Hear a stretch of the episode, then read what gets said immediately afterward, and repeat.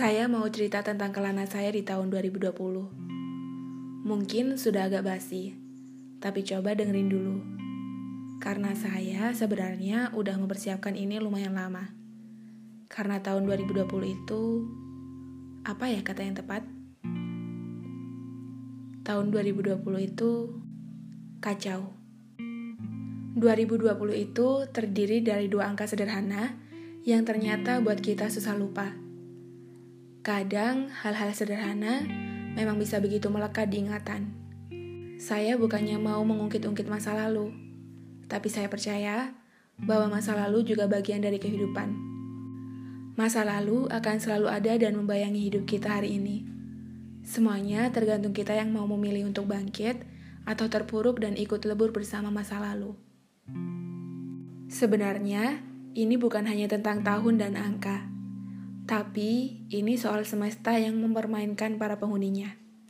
Iya, saya paham bahwa dalam setiap celah kehidupan, semesta selalu punya cara untuk mempermainkan kita.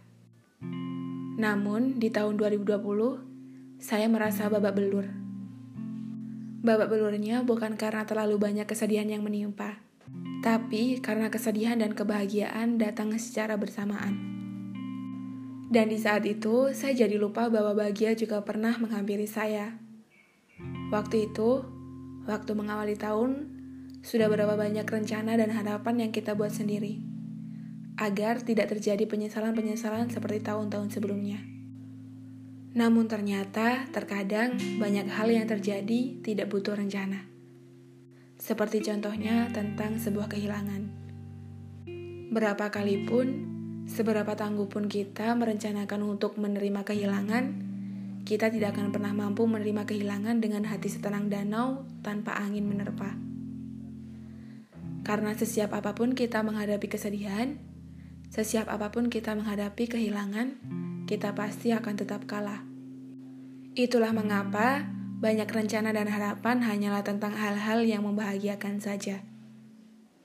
Karena memang untuk mencapai bahagia, banyak hal-hal yang perlu diusahakan.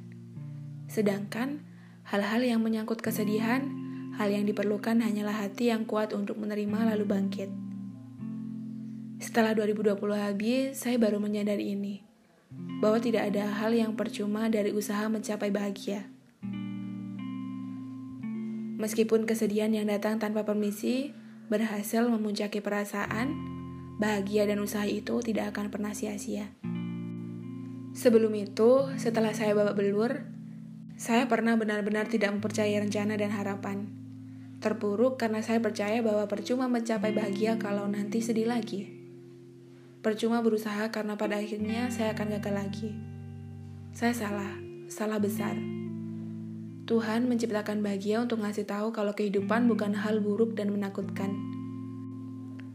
Tuhan menciptakan kesedihan untuk ngasih tahu Jangan terlalu melayang-layang di tempat tinggi dengan kesombongan.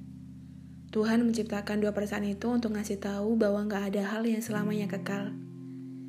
Ada kebahagiaan yang perlu dibagi, ada juga kesedihan yang perlu saling disembuhkan. Wajar jika air mata itu tumpah. Wajar kebahagiaan yang kita idam-idamkan terasa begitu singkat. Hidup memang tentang perasaan yang saling bergulir untuk membuat hati sekokoh pohon kelapa yang meskipun terombang-ambing, ia tetap tidak hanyut.